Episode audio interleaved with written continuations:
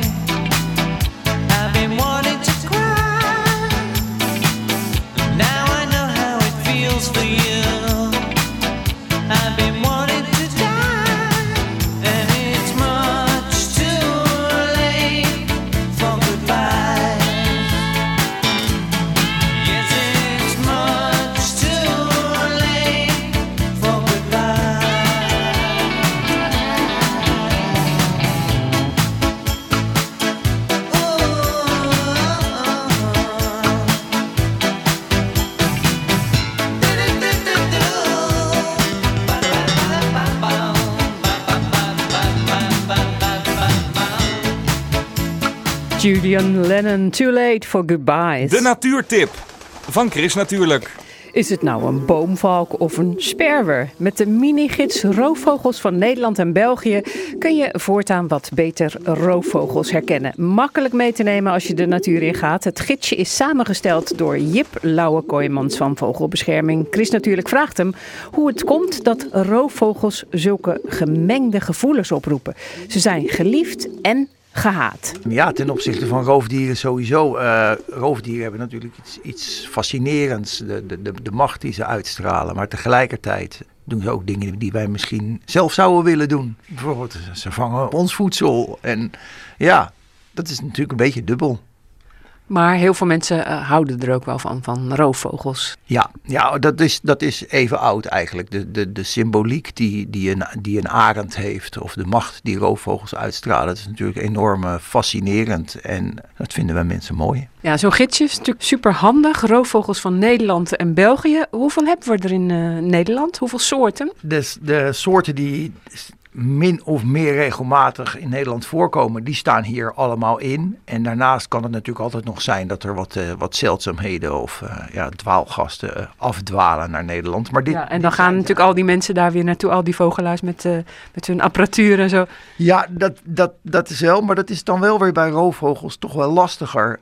Eh, omdat eh, roofvogels heel veel tijd vliegend in de lucht doorbrengen en eh, een enorm gebied bestrijken. Dus als er zeldzame roofvogels wordt ontdekt, dan kan je er wel achteraan jakkeren. Maar de kans om ze te zien is dan weer wat, toch weer wat kleiner. En dat maakt het natuurlijk ook weer fascinerend. En ook een van de redenen waarom bijvoorbeeld in deze zoekkaart ook al die vliegbeelden afgebeeld staan. Want meestal zie je ze toch in de lucht. Ja, nou, ik zie ze nog wel eens een keer op een paaltje zitten. En zover gaat mijn kennis dan. Vaak is dat dan een buizerd. Maar verder weet ik het eigenlijk nooit. De paaltjes langs de snelweg, ja, daar zitten buizerden. Buizerden die, eh, die eten heel veel aas. En op snelweg worden natuurlijk nog wel eens eh, dieren aangereden. Overstekende katten of ganzen of eh, wat er langs vliegt. En die, eh, die buizerden, die, die ruimen dat eh, op voor ons. Het is echt een heel smal klein boekje. en eh, pas precies ja, in je borst ja, ik zie het. ja, dan kan je het meenemen. je hoeft eigenlijk niet per se de natuur in te gaan om roofvogels te zien. Want soms komen ze zelfs in je achtertuin. Ja, eh, eh, elk landschap heeft eh, de dieren die daarbij horen. En dat geldt, geldt ook voor roofvogels. In tuinen komen nog wel eens sperwers. Met name als mensen vogels voeren. Met de voertafel, daar komen natuurlijk een boel meesjes en mussen en dat soort op af. En die sperwer die is juist gespecialiseerd in het vangen van kleine zangvogeltjes. Dus die komt naar tuinen. Maar het meest typische, toch wel voor grote steden als een stad als Rotterdam, dat is, dat is deze. De slechtvalk. Eh, een slechtvalk is een soort die graag eh, op eh, steile rotsen broedt. Bij voorkeur aan het water of bij open gebieden waar veel vogels zitten. En ja, nou hebben we die niet in Nederland. Maar al die hoge stenen gebouwen in Rotterdam die aan die Maas staan. Ja, dat is gewoon geweldig voor slechtvalken. Maar dus daar heb je eigenlijk het boekje niet voor nodig. Want dan weet je, ja, het is in de stad. Dus dan is het toch wel vaak een slechtvalk. Nou, dat is wel een beetje makkelijk beredeneerd. Want vogels die kunnen nou eenmaal vliegen. Dus die kunnen ook gewoon over die stad vliegen. En ja, je kan, je kan in theorie alles overal tegenkomen. Maar als je nou vraagt welke soorten zijn nou typisch voor een stad als eh, Rotterdam of de Rijnmond. Ja, dan is slechtvalk en sperwer wel. Ja. En, maar hoe herken je dan de slechtvalk? Eh, nou, die slechtvalk die, eh, die eh, is kenmerkend omdat hij van die hele eh, spitse vleugels heeft. En zo'n beetje zo'n slank torpedovormig lichaam. Het is een enorme snelle vlieger. Er wordt, eigenlijk is het het snelste dier op aarde. We kennen natuurlijk de jachtluipaard, maar dat, die leeft op de grond. En maar slechtvalken die zijn nog veel sneller. En die zijn gespecialiseerd in het vangen van eh, vliegende vogels. Dus eh, duiven die zijn natuurlijk bekend om hun snelle, goede vliegen. Eh, daarom zijn het ook wedstrijdvliegers. Maar die slechtvalk die is gewoon nog sneller. Ja, want eh, dat is natuurlijk eh, waarom bijvoorbeeld duivenmelkers wel eens zeiden van ja, we vinden het eigenlijk helemaal niet fijn, want al onze duiven die gaan eraan door de roofvogels en er komen er steeds meer. Eh, ja, die geluiden die ken ik natuurlijk ook. Nou is het wel zo dat de, de doodsoorzaak van wedstrijdduiven, daar is predatie zoals dat heet, is lang niet de belangrijkste doodsoorzaak. Er zijn een heleboel andere redenen waarom eh, duiven onderweg eh, doodgaan. Dat er, dat er meer slechtvalken zijn dan eh, een halve eeuw geleden is wel waar. Maar ehm, daarvoor waren ze nog veel en veel en veel algemener. Want slechtvalk, dat betekent eigenlijk de gewone valk. Het is slechts een valk. En eh, halverwege de 20e eeuw zijn we heel veel landbouwgif gaan gebruiken in Europa. En eh, daar hadden die slechtvalken heel veel last van. En niet zozeer dat die valk last van dat gif had, maar dat gif zat op het gewas. Dat gewas werd gegeten door vogels, waaronder duiven. En die gingen daar niet dood aan, maar dat gif dat sloeg zich op in de organen van die duiven. En zo'n slechtvalk die at heel veel vogels en die kon dat gif ook niet afbreken. En die hoeveelheden gif in die slechtvalk werden zo hoog dat ze onvruchtbaar werden. Sinds de jaren 60 is dat landbouwgif, dat was DDT, is verboden in Europa. En eh, heel geleidelijk aan is het met een heleboel roofvogels daarom weer goed gegaan. En roofvogels die worden relatief oud. Dus die doen er lang over voordat ze nieuwe generaties hebben. En het is, ja, het is nu 50 jaar na dat verbod op dat landbouwgif. En inmiddels zien we weer dat die populaties het goed doen. Ze zeggen ook wel eens, als het een goed muizenjaar is, dan is het ook een goed roofvogeljaar. Ik geloof dat de torenvalk heel erg houdt van muizen. Ja, het- elke, die, die roofvogels die hebben eigenlijk allemaal hun, hun, hun voedselspecialisme. Die slechtvalk die jaagt dan op die vliegende vogels, die sperwer op die vogels in de tuin. En torenvalken die eten inderdaad heel veel muizen, met name veldmuizen. En die veldmuizen ja, die hebben af en toe een uitbraak, dat er een enorme plaag is. En daar profiteren die torenvalken van. Zullen we even kijken bij de torenvalk? Zullen we even kijken Hoe die eruit torenvalk? Ja, die, eh, die eh, zie je hier. En de torenvalken die zie je ook veel eh, langs de snelweg. Maar wat die torenvalken vooral doen is dat ze zo stil in de lucht hangen door heel snel met hun vleugels te bewegen. Dat noemen we bidden. En eh, zo kijken ze de omgeving af en vangen ze dus die muizen. En het is wel aardig om te zeggen dat bidden, dat is natuurlijk een beetje een heel raar woord. Maar dat is een vertaling die eigenlijk fout uit het Engels is overgenomen. Want oorspronkelijk is het to pray in het Engels, dus op een prooi zoeken. Maar dat is to pray is vertaald als bidden van het bidden in de kerk. En eh, ja, dat is woord dat zijn we eigenlijk in Nederland altijd blijven gebruiken. Als we dit boekje nou eens eventjes helemaal uitslaan. en dan hebben we, laten we zeggen, de spanwijdte van welke roofvogel? Nou, dit is de spanwijdte van een havik, denk ik. Ja, havik is een, erg groot, maar heeft niet een hele grote spanwijdte. En eh, als je dan, dan nog een halfje erbij doet, dan krijgen we zo de buizerd en de kiekendieven die komen dan. En als je er dan drie naast elkaar legt, dan heb je een zeearend. Voor wie hebben jullie dit boek gemaakt? Nou ja, boek. Mini-gidsje. Ehm, nou, dat hebben we vooral gemaakt voor iedereen die de soorten wil herkennen die die ziet als hij buiten is. En ehm, het is natuurlijk vooral, ja, het zijn afbeeldingen met de kenmerken erbij. En als je nou allemaal heel veel eh, meer informatie, dan moet je dat ergens anders vandaan halen. Maar het is gewoon om in het veld te gebruiken en te weten wat je ziet. Op naar buiten dan, zou ik zeggen. Allemaal. De mini-gids Roofvogels van Nederland en België van Jip Blauwe Kooijmans met tekeningen van Elwin van der Kolk is uitgegeven bij KNNV Uitgeverij. Kost in de winkel 6,95 euro. Eén luisteraar kan het winnen. 010 436 4436 en dan maak je kans. I never kissed a mouth that tastes like yours. Strawberries and something more. Ooh yeah, I want it all. Lipstick on my guitar. Fill up the engine, we can drive real far. Go dancing underneath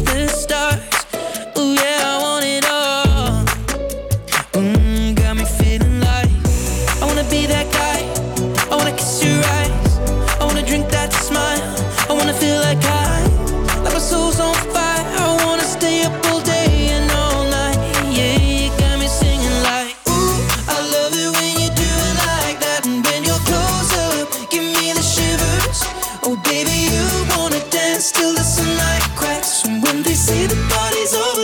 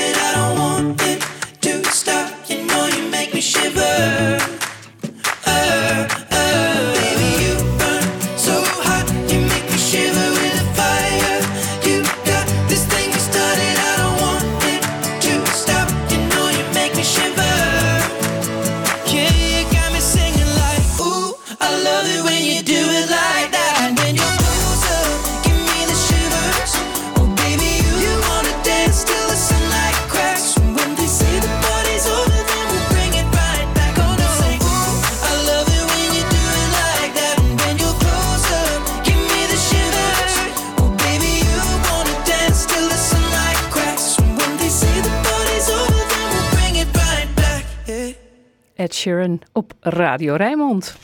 Chris natuurlijk. Lekker groen. In de tentoonstelling Rotterdam de Boer op in het Natuurhistorisch Museum Rotterdam neemt het museum de bezoeker mee naar het boerenland vlakbij Rotterdam. Chris natuurlijk bekijkt de tentoonstelling met Niels de Zwarte en Anne Hazel van het museum en met Natasja Hokke van Natuurmonumenten. Anne Hazel die vertelt over de tentoonstelling. Dat gaat over eh, het boerenland rondom Rotterdam en de, de, de bijzondere biodiversiteit die je daar aantreft. Eh, en de verschillende manieren waarop we dat samen met eh, boerenbedrijven ook kunnen koesteren en kunnen, ervoor kunnen zorgen dat dat weer helemaal tot, tot bloei komt. Ja, want het klinkt heel mooi, maar eh, die biodiversiteit rondom de stad, ja, die is wel heel wat anders dan vroeger, Niels de Zwarte. Ja, je ziet wel een, eh, een achteruitgang, zeker in de insectenrijkdom. En omdat het met insecten slecht gaat, zie je ook dat er wat minder eh, vogels en andere, bijvoorbeeld vleermuizen, voorkomen. Eh, en het bodemleven is eh, behoorlijk anders geworden. Dus we hebben wel wat eh, te doen, denk ik. En deze tentoonstelling is er wel een van, van hoop, omdat we graag willen laten zien dat je iets kunt doen. En toch vind ik het een beetje een vreemde eend in de bijt voor een natuurhistorisch museum om het over het platteland en boeren te gaan hebben. Ja, dat snap ik. En dit is ook wel een, een uitstapje voor ons, maar wel één. We willen heel graag natuurinclusief denken bij mensen bevorderen. Ehm, dat doen we al heel lang door natuurinclusief bouwen te promoten. En dit is natuurinclusieve landbouw. Dus het past eigenlijk heel goed in het verlengde. En het heeft alles te maken met biodiversiteit die eigenlijk direct in de achtertuin van Rotterdam zit. Maar wat is dat allemaal, eh natuurinclusief bouwen en natuurinclusief landbouwbedrijven? Dat betekent dat je gewoon doet wat je, wat je wil doen. Je wil bouwen of je wil landbouw bedrijven om eh, producten te verbouwen. Maar je houdt vanaf het begin af aan rekening met die natuur. Dus je weet dat je niet als mens de enige gebruiker bent. Ehm, je zorgt er ook voor dat dieren en planten gewoon een volwaardige plek krijgen. Dat betekent dus ook dat een boer niet 100% tot aan zijn eh, slootkant gaat maaien, maar een stukje kruidenrijk grasland overlaat voor insecten. Dus dat is echt een klein beetje plek maken en plek houden voor onze medegebruikers. Natasja Hokke van Natuurmonumenten. Deze tentoonstelling heet Rotterdam de Boer op, maar dat is ook een initiatief. Rotterdam de Boer op is best wel een gedurfde droom. Waarbij Natuurmonumenten samen met 18 partners dus echt gaat voor dat biodiverse platteland rondom de stad. En dat doen we onder andere door eh, dus producten in de winkelschappen van de stad te leggen en een eerlijke prijs voor de boer te krijgen. Jij bent boswachter. De mensen denken bij Rotterdam natuurlijk aan een havenstad. Maar jij zegt, ja, het is ook super belangrijk dat er meer is dan dat alleen. En dat kan dus ook met boeren en landbouw. Ja, dat is leuk dat je dat zegt, want heel veel Rotterdammers weten dus niet dat Rotterdam omringd wordt door eeuwenoud boerenland. En er zijn echt verschillende landschappen waar ook weer verschillende producten vanaf komen. En eh, we proberen dus echt met het project te laten zien dat je dus een heel winkelmandje kunt vullen met producten van het Rotterdamse platteland. En dat je dus ook echt zelf die impact kan maken door dat Rotterdamse platteland dus mooier te maken. En dan staat er heel leuk een tekst. Jouw winkelmandje maakt het verschil. En dan staat er bijvoorbeeld een vraag. Wat heeft een pak melk met vlinders te maken? Nou, dat gaan we aan Niels eh, vragen. Ja, dat heeft alles te maken met hoe je je eh, weidelandschap inricht. Dus of je voor je koeien maximaal eh, Engels rijgras neerlegt, ja, daar kom je eigenlijk geen insecten tegen. Maar als je een stukje grasland eh, ook zo inricht of zo beheert dat er insecten voorkomen, ja, dan, dan heb je ineens veel meer vlinders. En dan hoop je dat bijvoorbeeld een soort als icarusblauwtje of het hooibeestje gewoon eh, weer wat talrijker wordt. En niet alleen dat, want in dat kruidenrijke randje kunnen ook allerlei weidevogels zich verstoppen. Kunnen de ouders op korte afstand van hun nest eh, insecten vinden en dus hun voedsel. En zo beïnvloed je eigenlijk de hele piramide van, eh, van dieren en planten. Vroeger was het natuurlijk ook zo. Maar dat is eh, veranderd omdat het economisch niet haalbaar was. Hoe kan dat dan economisch wel haalbaar worden voor de boeren? Ik denk dat je het, de, twee dingen belangrijk zijn. We hebben na de Tweede Wereldoorlog een enorme switch gemaakt naar efficiëntie. Het moest 100% efficiënt. Ja, dat, dat is een manier van denken. En je kunt je afvragen, ja, is, dat, is dat echt nodig? Want we hebben genoeg om mensen voedsel te geven. En het tweede is, ja, de prijs is zo laag en door de wereldeconomie, we, we brengen via de haven Rotterdam enorm veel groente en fruit binnen, wat hier ook gewoon te telen is. Uh, en dan gaat het gewoon over prijs, wat wil je ervoor betalen? En daarom zeggen we toch, het winkelmandje is een, een soort wapen uh, om de biodiversiteit te verbeteren of te behouden. Omdat als je een eerlijke prijs betaalt van wat het gewoon echt kost, niet ten koste gaat van landschap, dan kun je daar gewoon je invloed op hebben.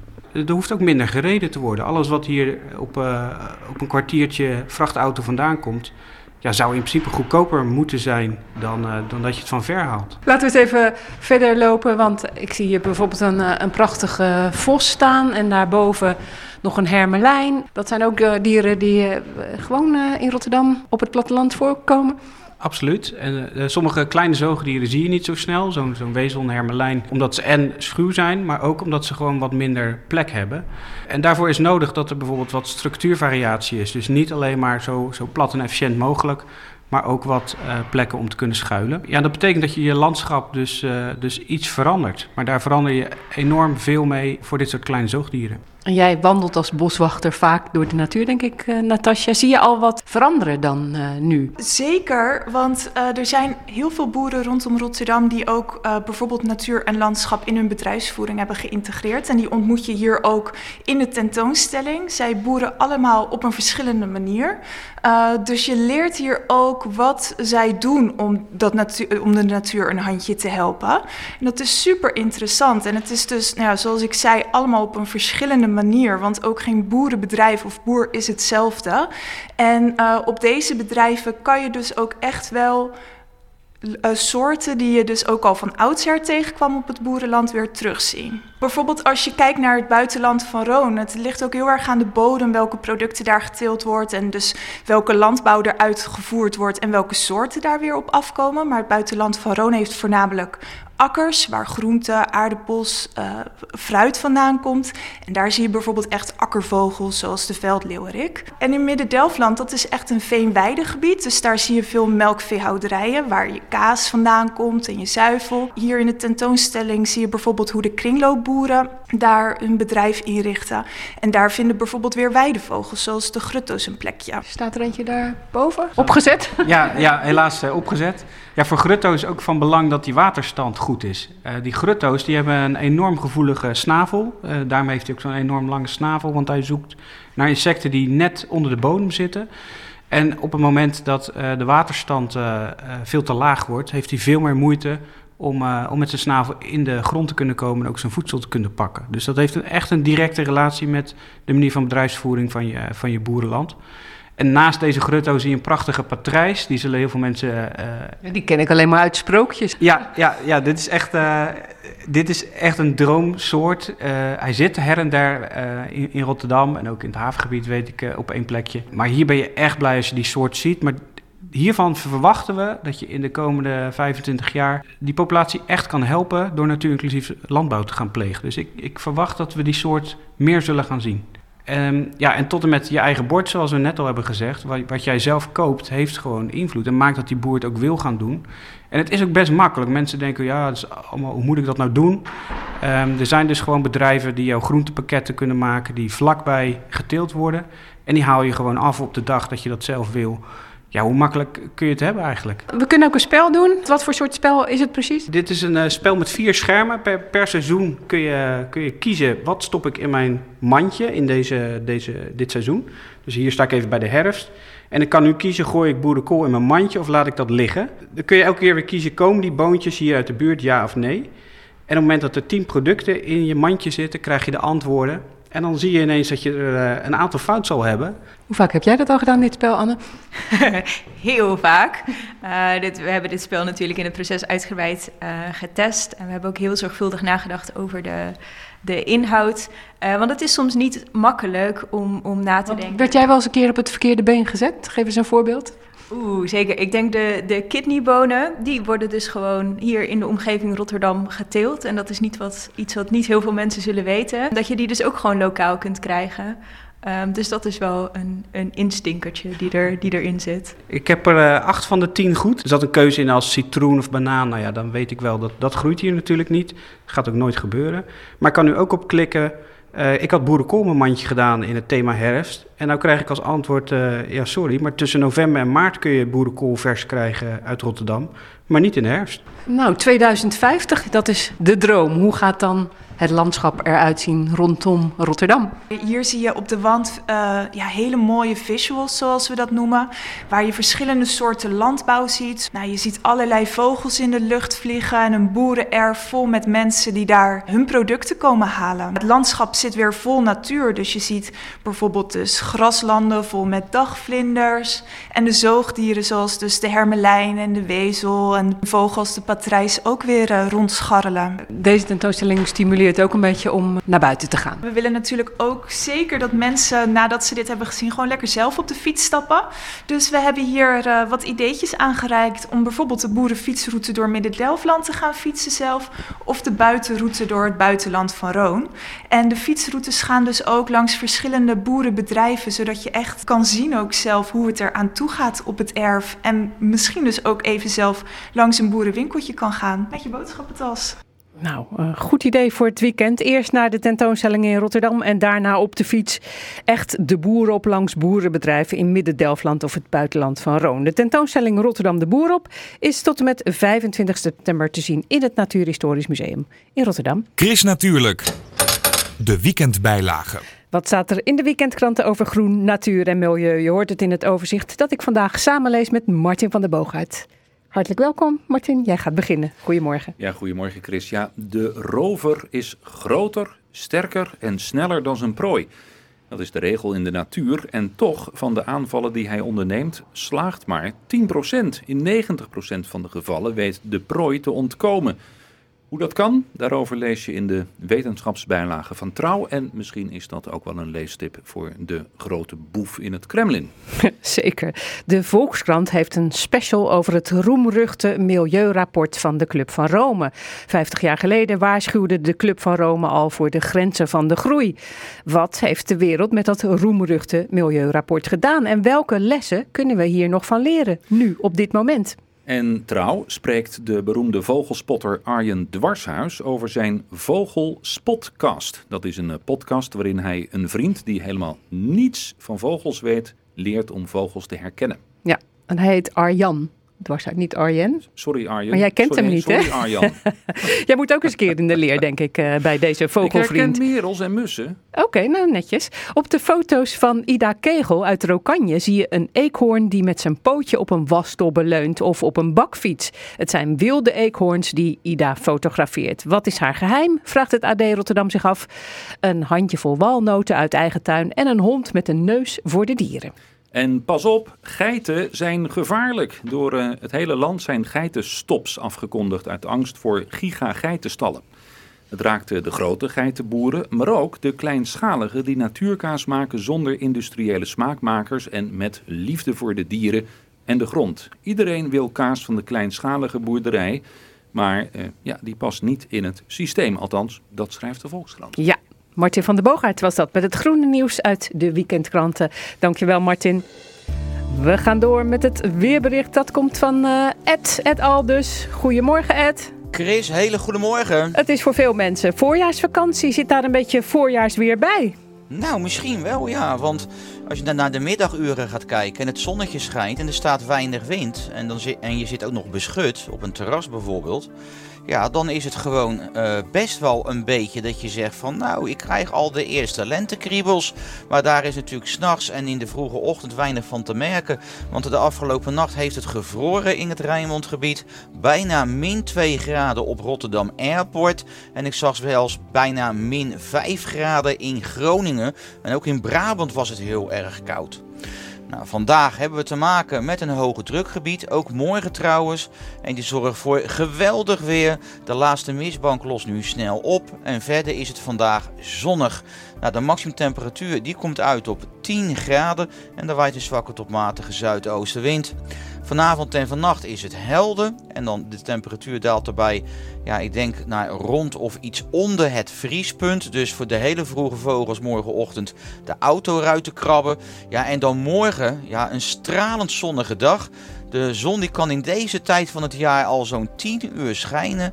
Dus ook de zonnepanelen die kunnen weer eens goed aan de bak deze ja, het is dagen. zo'n tijd worden, Ed. Ja, natuurlijk. Dat is toch geweldig. En, eh, ja, En handig in deze tijden van, eh, nou ja, waar we toch eh, heel zuinig moeten zijn met energie. En Ja. goed, ja, goed voor de gasprijs. Ja, hou daar maar over op. Ja. Want hè, dat, ik denk dat we al, daar allemaal wel onze zorgen over hebben. nou, zeg dat wel. Eh, maar ja, goed, morgen dus wel een hele fijne dag. Ik heb zelf al een eh, mooie route uitgestippeld om met Banje lekker de natuur in te gaan in de buurt van Waalwijk. Daar heb je een heel mooi ja, langgerekt losloopgebied voor eh, honden van wel 4 kilometer. Dus daar gaan Nou, wij kijk uit eh, voor al die carnavalsvierders dan, die ook los zullen lopen daar, denk ik. Ja, misschien loopt er iemand dronken daar nog het bos in. Je weet het niet. Maar goed, morgen temperaturen, Chris, van zo'n 9 à 10 graden. En eh, wel iets meer wind dan vandaag. Een matige zuidoostenwind. Ja, en dan zullen we ook nog even kijken naar de, de eerste Zeker. dagen van de voorjaarsvakantie. Nou ja, ik denk dat we eh, in onze handen mogen knijpen. Dat het echt een cadeautje is wat we gaan krijgen.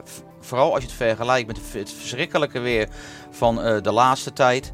Eh, want maandag is het ook nog zonovergoten. Pas later in de middag sluierbewolking wordt het 11 graden. Alleen op dinsdag, Chris, passeert een storing met enige regen. Dan is het een graad of 9. Maar vanaf woensdag periode met zon. En blijft het weer dagen droog met een middagtemperatuur van zo'n 9 of 10 graden. Dus het ziet er allemaal echt geweldig uit. Dankjewel, Ed. En eh, hoe uit dat zich bij jou? Voorjaarskriebels, vroeg ik mij af. Nou ja, daar krijg je toch overal al een beetje zin in. Ik heb hier al een luifel schoongemaakt buiten. En ja, je gaat toch al een beetje meer de tuin in, zeg maar, om wat dingetjes te doen. Dus dat zal ook vandaag wel gaan gebeuren, denk ik. Fijn weekend, Ed. Geniet Hetzelfde. ervan. Hoi. Ja, hoi. Luisteren allemaal naar Chris. Kom daar toch. Chris, natuurlijk.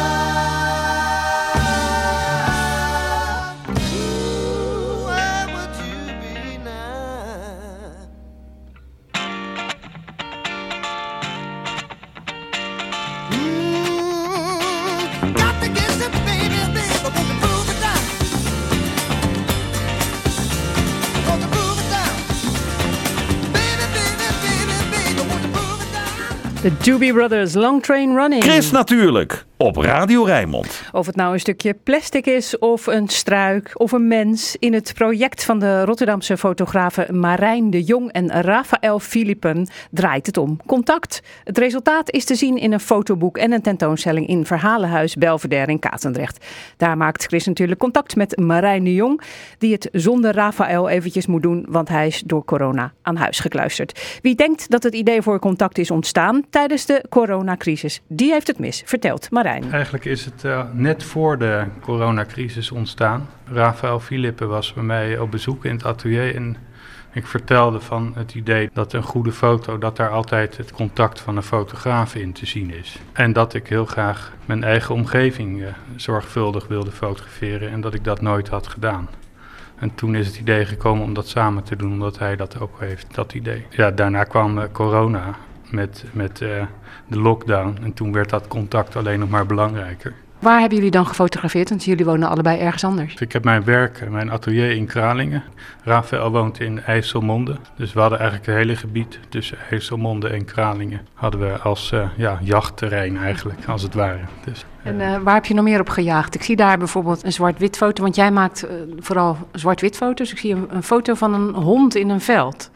Ja, dat is gewoon mijn hond. Die heet Zelda. Ja, ze komt een paar keer terug in de tentoonstelling en in het boek. En dit is er een van. Hier loopt ze door uh, heel hoog gras.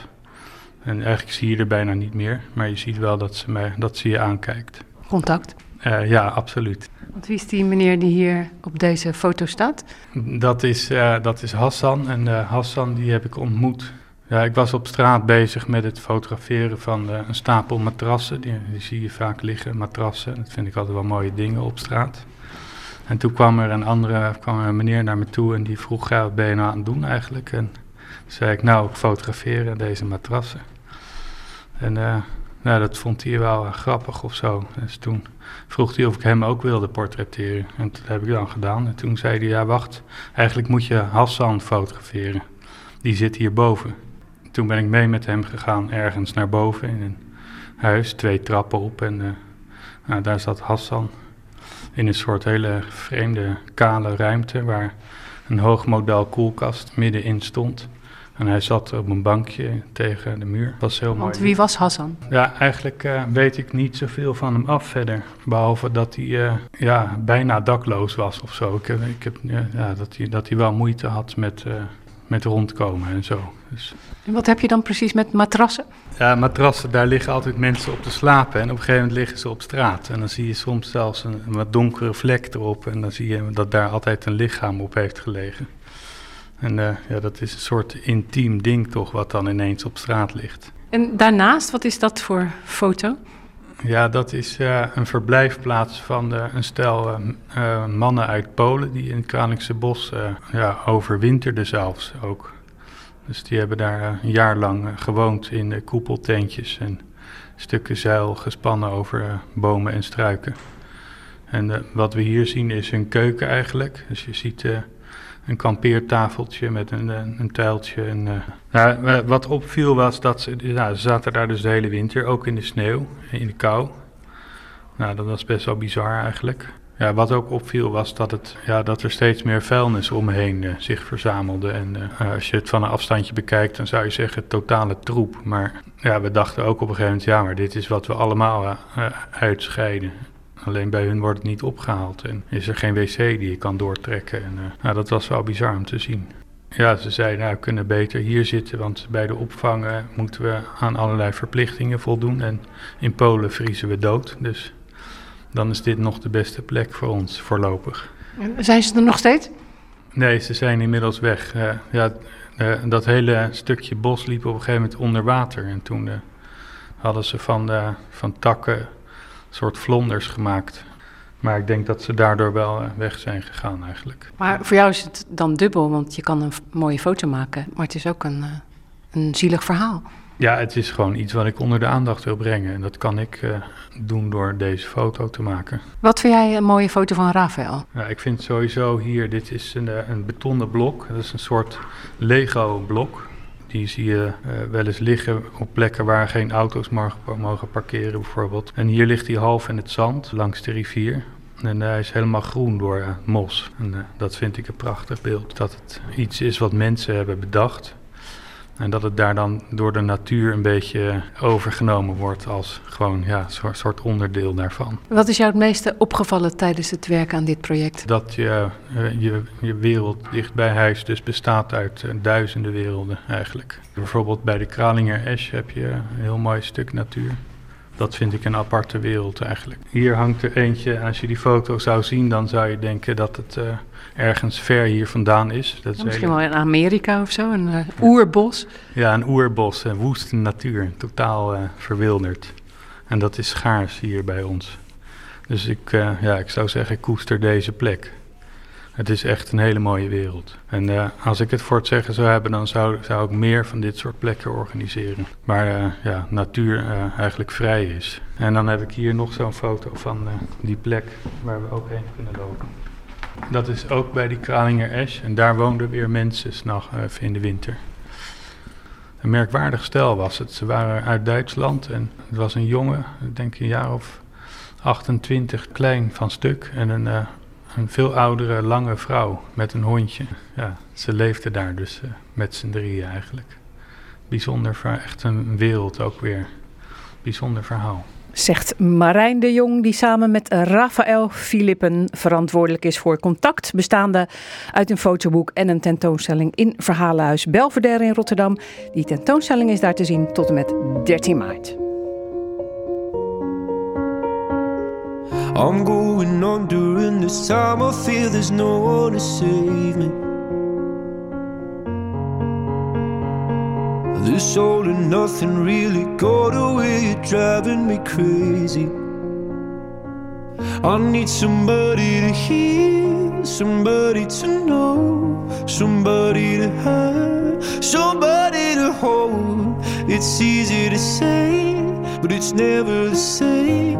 I guess I kinda like the way you numbed all the pain. Now the day bleeds into nightfall, and you're not here to get me through it all. I let my guard down, and then you pulled the rug. I was getting kinda used to being someone I'm going under, and this time I feel there's no one to turn to.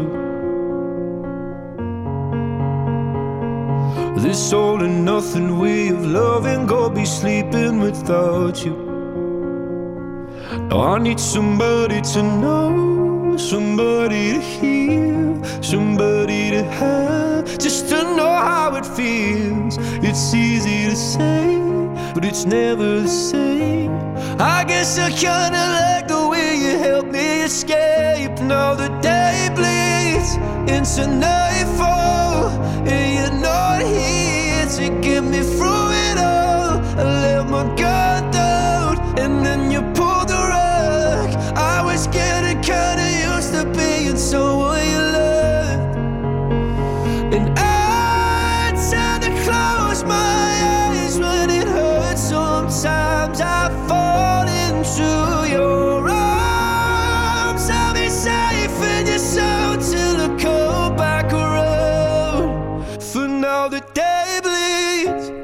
nightfall. You're not here to get me through it all. I let my guard down, and then you pulled the rug. I was getting kinda used to being someone you love, but now the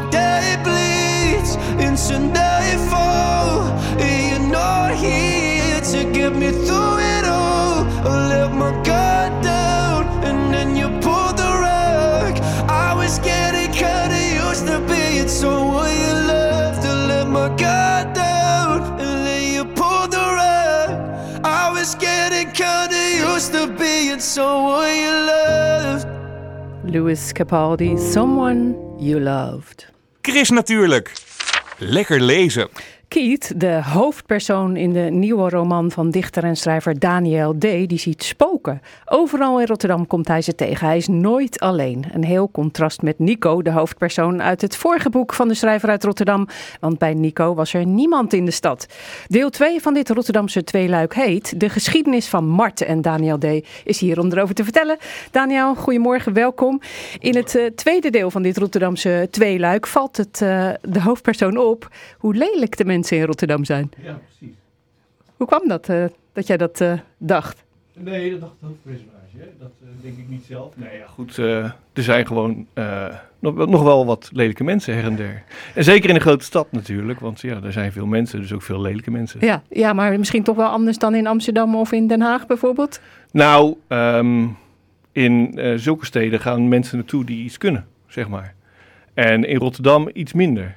Eh, inmiddels is dat, verandert dat wel, weet je wel, met, met bepaalde studierichtingen. Maar eh, de mooie mensen die fladderen toch naar, naar plaatsen waar ze... Kijk, hier heb je niet eens een, een filmopleiding. Dus hè, mocht je iets willen en je bent mooi, ja, dan moet je toch even anders naartoe. Nou, waarvan akte. In, eh, in interviews noem jij jezelf een intuïtief schrijver. Hè? Dan weet je van tevoren niet Nee, waar het verhaal naartoe gaat. of het een gedicht wordt of een boek zelfs. Hè? Dat weet je zelfs niet. Maar bij de geschiedenis van Marten wist je dat wel. Want eh, dat had je al aangekondigd dat het een roman zou worden. Ja, ik had het aangekondigd. ehm, vorig jaar bedoel je? Ja. Met, eh, ja, toen was het eigenlijk al af. eh, de roman. Want ik heb de, die twee romans, de, de Echo van mijn voetstappen, die dus in mei vorig jaar verscheen, en nu dus de geschiedenis van Marten, heb ik min of meer tegelijk geschreven. En een beetje om en om, als ik bij het een vastliep, ging ik met het ander verder en omgekeerd. Dus toen wist ik in ieder geval, eh, vorig jaar wist ik al dat die Ja. eraan kwam, die Ja, roman. ja, maar je wist ook eh, van dat, dat eerste deel van het tweeluik, wist je ook dat het een roman was. Want dat zou je samen met een vriend eh, gaan klopt. schrijven. Ja. Ja. en die is toen helaas overleden. Dus die roman, De Echo van mijn voetstappen, die heb ik toen alleen geschreven. Ja, daar heb ik het eerste deel eigenlijk eh, al van, had ik toen al van geschreven. En, en die, die vriend zou dat andere deel schrijven, maar dat is er nooit van gekomen. Dus heb ik het zelf maar ingevuld verder. Ja, heb je het gevoel dat je nu een soort monumentje hebt gemaakt voor hem? Eh, ja, het is nooit genoeg. Dus eh, ja, een klein beetje. Een klein Maar, beetje. ja. Ja. wie is nou Kiet uit de geschiedenis van Marten? Nou, ik zocht iemand die het tegenovergestelde was van ikzelf. Dus niet zo in, in zichzelf gekeerd en niet zo'n tobber. Dus, ehm, en toen zag ik toevallig een documentaire over Keith Moon, de drummer van The Who. En dat is natuurlijk een losbol, een losgeslagen projectiel die eh, nogal hield van practical jokes en eh, heel veel drank en drugs. En hotelkamers in elkaar rammen. Dus ik dacht, nou, dat is de perfecte pe- persoon voor, voor het hoofdpersonage van eh, dit verhaal. Ook een beetje omdat ik weinig eh, grip op die man kreeg. Het was niet helemaal duidelijk waarom hij deed wat hij deed. Dus ik heb zelfs nooit kunnen achterhalen waarom hij zo goed is in drummen, bijvoorbeeld. Oh, Keith Moon, ja. ja. Ja, maar Keith heb je wel een ja, beetje grip gekregen op de Kiet uit de geschiedenis van Marten? Ja, dat wel. Ja, ja dat- uiteindelijk wordt het toch stiekem een beetje eh, toch weer mezelf. Maar Eh, kan je ook doden zien? nee, dat niet. Nee, maar nou ja. ehm, nee, ik, ik, ik zou niet zo heel goed kunnen zeggen wat er nou precies is wat er dan op mij lijkt. Ehm, nou, het is misschien meer een versie van, eh, van mezelf die ik. Dat- dat, ironische en dat eh, eh, makkelijker eh, snelle antwoorden geven, dat heb ik ook. maar altijd achteraf dat ik denk, oh ja, dat had ik kunnen zeggen. Oh ja. Maar, maar Keith die wordt dus bezocht door de doden als hij niet drinkt. Hè? Ja. Onder meer door zijn opa. Ja. Die eh, echt eh, alle standjes eh, in de wereld kent. En aan zijn kleinzoon uitlegt. eh, Precies, Probeer dit niet thuis, zou ik zeggen. Ik heb af en toe dit denk hè, wat, hoe gaat dit nou weer? Ze schijnen wel echt te bestaan. Ja. Ik heb onderzoek gedaan. Ja, dat snap ik, ja. Moet je deel 1 hebben gelezen om verder te gaan in deel 2? Nee, het zijn twee losstaande romans die je apart van elkaar kunt lezen. Ehm, maar het enige wat het een tweeluik maakt, is dat ze elkaar een beetje spiegelen. Want in de eerste roman is het bijvoorbeeld eh, mild weer, lente, altijd lekker eh, warm. Eh, en in de geschiedenis van Marten regent het eigenlijk continu. Dus bijna de, hele, niet bijna, het is gewoon de hele tijd is het gewoon herfstig weer. Snet weer, met nare regen, kou en... weet je, en, en zo zijn er meerdere dingen die zich spiegelen. Hè, de, Nico, de hoofdpersoon in de eerste roman, die is heel de tijd letterlijk aan het drinken. Hè? En, en Keith, die probeert, en lukt, de, hele roman in ieder geval, eh, niet te drinken. Dus nou ja, zo zijn de hele tijd van die kleine spiegelingetjes. Ja, en hij probeert niet te drinken, omdat hij, als hij als hij dat niet doet, dan komen die doden eh, bij hem. Of, ja. Ja. en dat, dat vindt hij niet fijn. Nee, precies. Dus, eh, nou ja, Dus dit dat- is- daarom drinkt hij juist wel, laat ik zo, Ja, ja zo precies. zeggen. Ja. Als hij drinkt, dan, dan verdwijnt zijn gave om ja, te communiceren met overleden personen. Ehm, maar ja, uiteindelijk op de lange termijn schijnt eh, te veel drank continu toch wel slecht voor je te zijn. Dus hij kiest er dan voor ook een beetje om de mensen om hem heen die wel leven en om hem geven, eh, nou ja, niet eh, al te bezorgd te maken, om te stoppen met drinken. En nou ja, dat lukt de hele roman tot aan het eind. Ja, en, maar ja, hij verdient er ook zijn brood mee, toch? Met het zien van die doden. Ja, precies. Het is, hij heeft daar inderdaad eh, eh, zijn vak van gemaakt. Noodgedwongen zou je bijna kunnen zeggen. Omdat eh, ja, hij niks anders kan. Omdat hij toch heel tijd geplaagd wordt door die eh, overleden personen. Dus houdt hij seances waar hij dan inderdaad geld voor krijgt. Ja, met, met zijn opa als goede hulp. En Rotterdam speelt dus inderdaad de hoofdrol in dit boek. Een hoofdrol, de Erasmusbrug bijvoorbeeld. Hè. Daar houden zich heel veel geesten op, is de ervaring van de hoofdpersoon. Hoe zou Mhm. dat komen? Nou ja, het, het idee daarachter is natuurlijk dat mensen... ehm, overleden eh, mensen blijven hangen op plekken waar ze vaak kwamen of waar ze overleden zijn. Dus eh, al mocht eh, iemand voor de trein gesprongen zijn, dan kan je die vinden bij de, bij, bij de rails. En nou ja, de Erasmusbrug is natuurlijk bij uitstek een mooie brug om vanaf te springen als je het niet meer ziet zitten. Ja. Dus nou ja, vandaar dat het daar dan heel druk is. En het is geschreven in een, in een tijd dat er, eh, dat er nog geen corona was. Nee. Dat, is, dat is ook wat te merken. Er wordt gefeest en, en gezopen en geslikt in de kroeg en in de Maasilo. En eh, bijvoorbeeld ook in de kroeg van eh Tineke Speksnijder. Ja, klopt. De Schouw, hè, die heeft echt een prominente rol. Je, had het ook, je hebt het boek daar ook gepresenteerd laatst, hè? Klopt, ja. ja. In beide boeken komt het café voor. En ik dacht, eh, nou ja, ik vind het zelf ook een heel leuk café. Ik kom er ook eh, graag als ik ergens een biertje wil gaan drinken, dan het liefst daar. Dus, eh, en nou ja, het mocht toen weer, want corona was bijna voorbij. En dus toen heb ik het daar gepresenteerd en de eerste exemplaren aan Tineke gegeven, inderdaad. Ja, dat vond ze wel leuk, denk ik. Ja, nou ja, ja, ze was wel verrast, want ik had het niet gezegd. Dus, Nee, ja. Maar de- de- in ieder geval staat er aan het eind, wordt vervolgd, maar niet heus. Of toch? Ja. Wat nu? Ja, er zit wel. Ik heb een vaag idee voor een, een, een derde deel. Dus dan is het geen uh, tweeluik meer, maar wordt het toch een trilogie. Uh, mede door corona trouwens en al die wappies. Uh, dat is natuurlijk goud. Daar kan je iets mee. Uh, dat levert hele leuke personages op. Plus je kan alles onderuit halen. Want complottheorieën, daar kan je alle kanten mee op. Dus misschien komt er nog een deel 3. Ja, en uh, nou hebben we het nog niet eens gehad over Marten. Nou, dat uh, nee, moet je precies. dus uh, zelf maar lezen. In de geschiedenis van Marten, wie dat is. Het is uitgegeven bij Passage. Het kost 22,90 euro en er is één luisteraar die dit boek kan winnen.